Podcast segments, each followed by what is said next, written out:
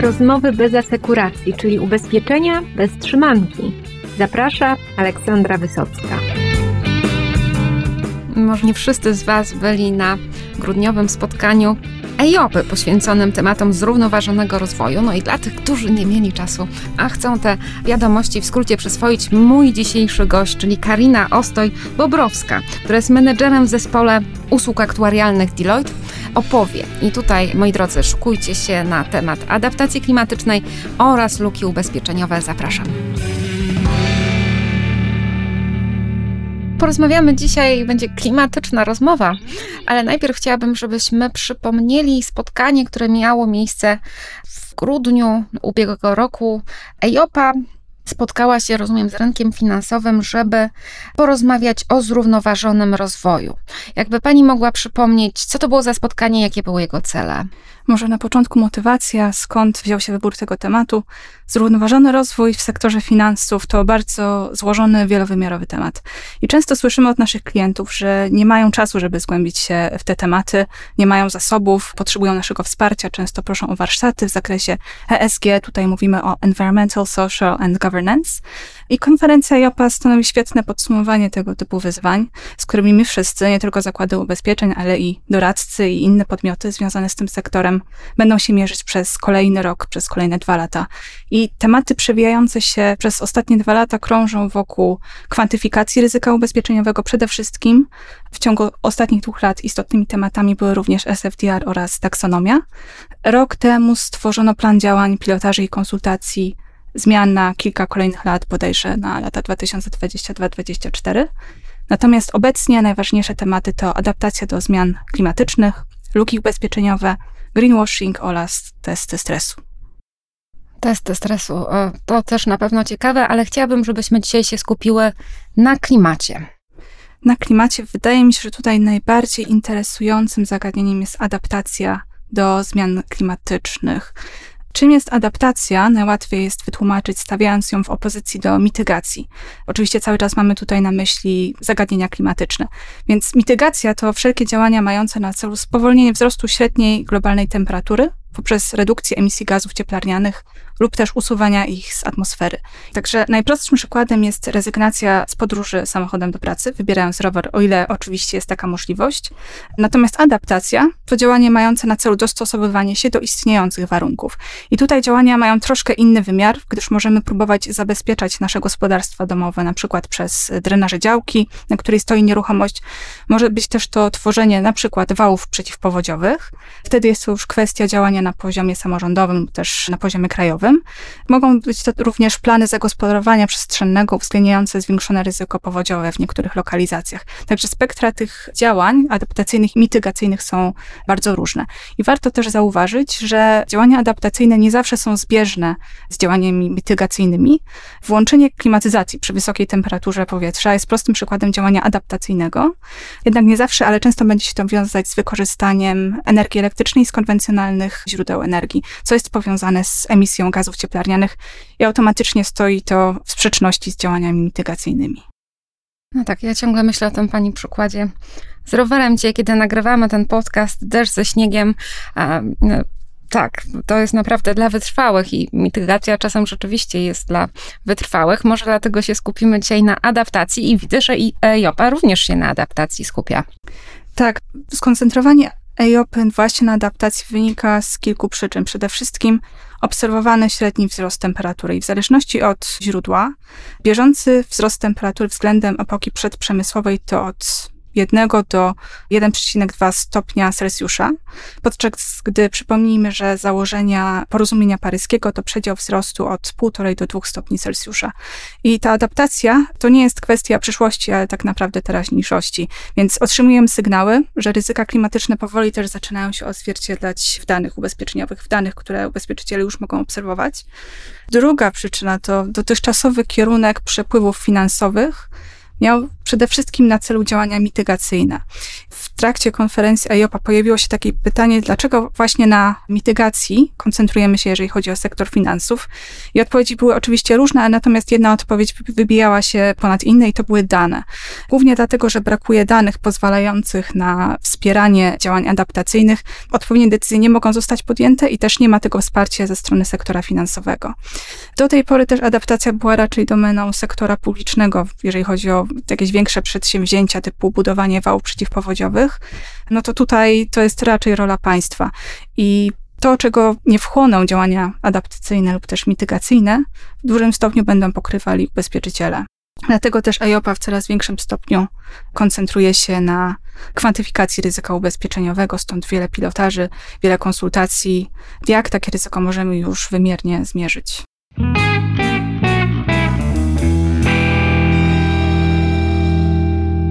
Jak mówimy o kwantyfikacji, to się pojawiają aktuariusze i rozumiem, że oni mogą te straty w jakimś stopniu prognozować. Jaka jest ich rola dokładnie? Więc analitycy aktuarialni to powiedzmy taka uprzywilejowana grupa, która jako pierwsza będzie mogła obserwować skutki ekonomiczne szkód klimatycznych ze względu właśnie na dostęp do danych ubezpieczeniowych. Być może z wyjątkiem jakichś głośnych klęsk żywiołowych, o których usłyszymy w kanałach czy też w serwisach informacyjnych, Zakłady mogą same tworzyć modele, które mają na celu modelowanie ryzyka klimatycznego. Mogą też korzystać z pomocy dostawców zewnętrznych, zatrudniających specjalistów z dziedzin takich jak meteorologia albo hydrologia. Natomiast rolą aktuariusza jest przetłumaczenie zjawisk pogodowych na prognozę częstotliwości, prognozę średniej szkody, ekspozycji na ryzyko, na czas realizacji tego ryzyka, czyli na wielkości pozwalające na zarządzanie ryzykiem ubezpieczeniowym. I tutaj aktuariusze będą musieli poszerzyć swój skillset, co najmniej o zrozumienie ryzyk klimatycznych, a być może nawet o ich prognozę. No, to wyzwanie jest niemałe, ale rozumiem, że to nie jest jedyne wyzwanie, które stoi przed działami analitycznymi. Dokładnie. Działy analityczne będą musiały dość istotnie zmienić swoje podejście do analiz. Przede wszystkim konieczna będzie zmiana horyzontu prognoz z jednego, maksymalnie pięciu lat do wieloletnich prognoz. I wiadomo, że projekcje przyszłych zobowiązań często mają charakter wieloletni. Jest to standardowa sytuacja, natomiast założenia przyjęte do modelowania tych zobowiązań już długookresowe nie są.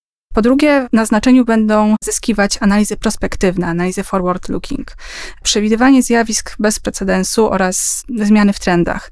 Aktuariusze z reguły analizują dane historyczne i przekładają je na swoje prognozy, zakładając, że charakter i natura tych szkód nie będzie ulegać istotnej zmianie. I tutaj zazwyczaj mamy czas na to, aby zareagować. W tym przypadku analitycy będą musieli po prostu włożyć większy wysiłek w to, aby prognozować coś, czego nie mamy obecnie odzwierciedlonego w danych. Na znaczeniu zyskują też analizy scenariuszowe. Główne problemy z tymi analizami to są braki danych oraz braki sensownych scenariuszy. I obecnie jest to główny przedmiot analiz Międzynarodowego Stowarzyszenia Nadzorów Ubezpieczeniowych. Pracują nad wypracowaniem najlepszego podejścia do analiz e, scenariuszowych. Również bardzo ważne są testy stresu i Komisja Europejska zapowiada Przeprowadzenie takiego ćwiczenia, ćwiczenia typu stress testing dla całego sektora finansowego, nie tylko dla sektora ubezpieczeń i to właśnie podkreśla złożoność całego procesu, ponieważ nie da się przeanalizować wyłącznie sektoru ubezpieczeń, trzeba patrzeć na sektor finansowy jako całość. Duża niepewność też wynika z oceny ryzyka transformacji. Nie mamy jasności co do stanowiska czy też działań, jakie będą podejmować rządy. Wobec tego ciężko nam będzie analizować ryzyko ubezpieczeniowe. A czy takie modele, jak się udaje już skutecznie wypracować, mogą pomóc w adaptacji do zmian klimatycznych? Rzeczywiście na pierwszym planie będą modele prognostyczne są to główne modele, na jakich bazują ubezpieczyciele. Natomiast na konferencji EIOPA pojawiły się również dość ciekawe zastosowania analityki w działaniach adaptacyjnych, z tym, że nie zawsze mają one zastosowanie wyłącznie do sektora ubezpieczeń, tylko w zasadzie dla całej gospodarki. Dzięki danym i modelom możemy nie tylko prognozować, ale też optymalizować. Takim klasycznym zastosowaniem jest optymalizacja transportu celem minimalizacji pustych przebiegów. Jest to klasyczne zagadnienie z dziedziny modeli badań operacyjnych. Drugi ciekawy przykład to było failure detection, czyli wykrywanie wszelkiego rodzaju usterek w różnych systemach. Tutaj dr Kak w swojej prezentacji podała przykład sieci kolejowych, które stanowią bardzo ważny element procesu dekarbonizacji gospodarki. Jeżeli chcemy zachęcić potencjalnych pasażerów do wyboru pociągów jako środka transportu, musimy zapewnić, że tych usterek będzie mało, że nie będzie opóźnień. Także tutaj jest też rola analityki w tym, aby te usterki istniejące lub też potencjalnie występujące, aby można było im zapobiegać lub też bardzo szybko wprowadzać naprawy. No to myślę, że tutaj to będzie rzeczywiście korzystne. Czekam z niecierpliwością, jak to się uda również w naszym regionie wprowadzić, jeżeli chodzi o transport kolejowy. No to może już tak zamykając ten temat, wróćmy do początku. Mówiła Pani, że jednym z tych tematów, które poruszono na konferencji, były luki ubezpieczeniowe. No i może tutaj tak na deser naszym słuchaczom też coś w tym temacie powiemy, co tutaj EIOPA sugeruje. Także może na początku powiedzmy sobie, czym te luki ubezpieczeniowe są. E, luki ubezpieczeniowe, inaczej Insurance Protection Gap. Jest to w uproszczeniu różnica pomiędzy odszkodowaniami wypłaconymi przez ubezpieczycieli, a szkodami ekonomicznymi. I obecne pokrycie szkód ekonomicznych ubezpieczeniami ocenia się na od 25 do ponad 50%, w zależności od źródła, na które się powołamy. I też nie należy oczekiwać, że pokrycie będzie wynosiło 100%, ponieważ nie byłoby to optymalne. Składka wtedy osiągałaby bardzo wysokie wartości. Natomiast wobec oczekiwanych zmian klimatycznych ta luka może się pogłębiać, a nie chcemy, żeby to się stało. Szkody ekonomiczne niepokryte przez ubezpieczycieli to nie tylko utrata majątku, czyli takie szkody w klasycznym rozumieniu, ale też strata kapitału, strata czy też pomniejszenie zdolności produkcyjnych, co może prowadzić do obniżenia poziomu wzrostu gospodarczego. I ciężko zabezpieczyć się przed ryzykiem, którego nie można zmierzyć, dlatego IOPA przygotowała wstępny pilotażowy dashboard z oszacowaniem bieżącej luki ubezpieczeniowej w wymiarze geograficznym. Jest to zadanie nietrywialne i poprzez stworzenie takiego dashboardu IOPA zapewne chciała na własnej skórze przetestować, jak pracuje się na tego typu danych, a główny cel, jaki przyświecał temu ćwiczeniu, to też promocja narzędzi open source'owych, aby dane były powszechnie dostępne.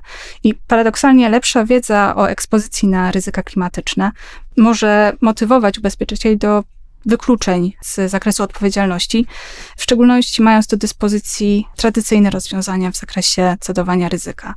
Istnieje kilka pomysłów, w jaki sposób możemy poradzić sobie z problemem luk ubezpieczeniowych. I tutaj dość istotną rolę odgrywają ubezpieczyciele. Pierwsza to kreowanie zachęt do adaptacji do zmian klimatycznych. Przykładem może być stosowanie czy też oferowanie zniżek za instalowanie systemów przeciwpowodziowych albo niższa składka w związku z budową wałów przeciwpowodziowych. Wtedy nie jest to nie tyle zniżka, co po prostu niższa składka. Niższa składka to co do zasady więcej sprzedanych polis, co zwiększa pokrycie czy też penetrację rynku ubezpieczeniami. Dość powszechnym problemem zbyt małego popytu na ubezpieczenie jest tendencja do zaniżania oceny ryzyka, to znaczy klienci nie zdają sobie sprawy z rozmiaru ryzyka, na które są narażeni, dlatego też dość istotnym aspektem są wszelkiego rodzaju akcje informacyjne, które mogą naświetlić ten problem, co też może wpłynąć na zwiększenie popytu na polisy ubezpieczeniowe.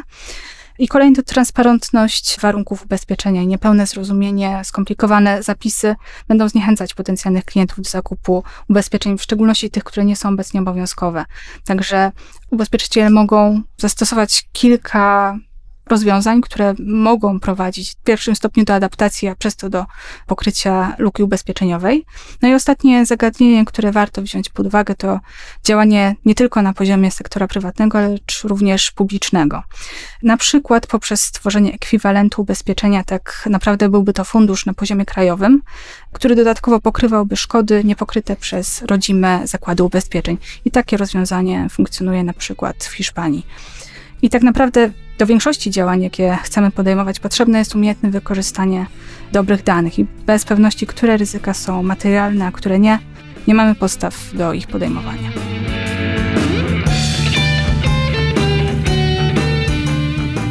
Jeżeli chcecie Państwo pogłębić ten temat, to zapraszam też do artykułu, który się ukaże w Gazecie Ubezpieczeniowej pod koniec lutego. No i dziękuję za dzisiejsze spotkanie. No i pędźcie już do wdrażania różnych technik adaptacji i budowania nowych modeli aktuarialnych. Powodzenia!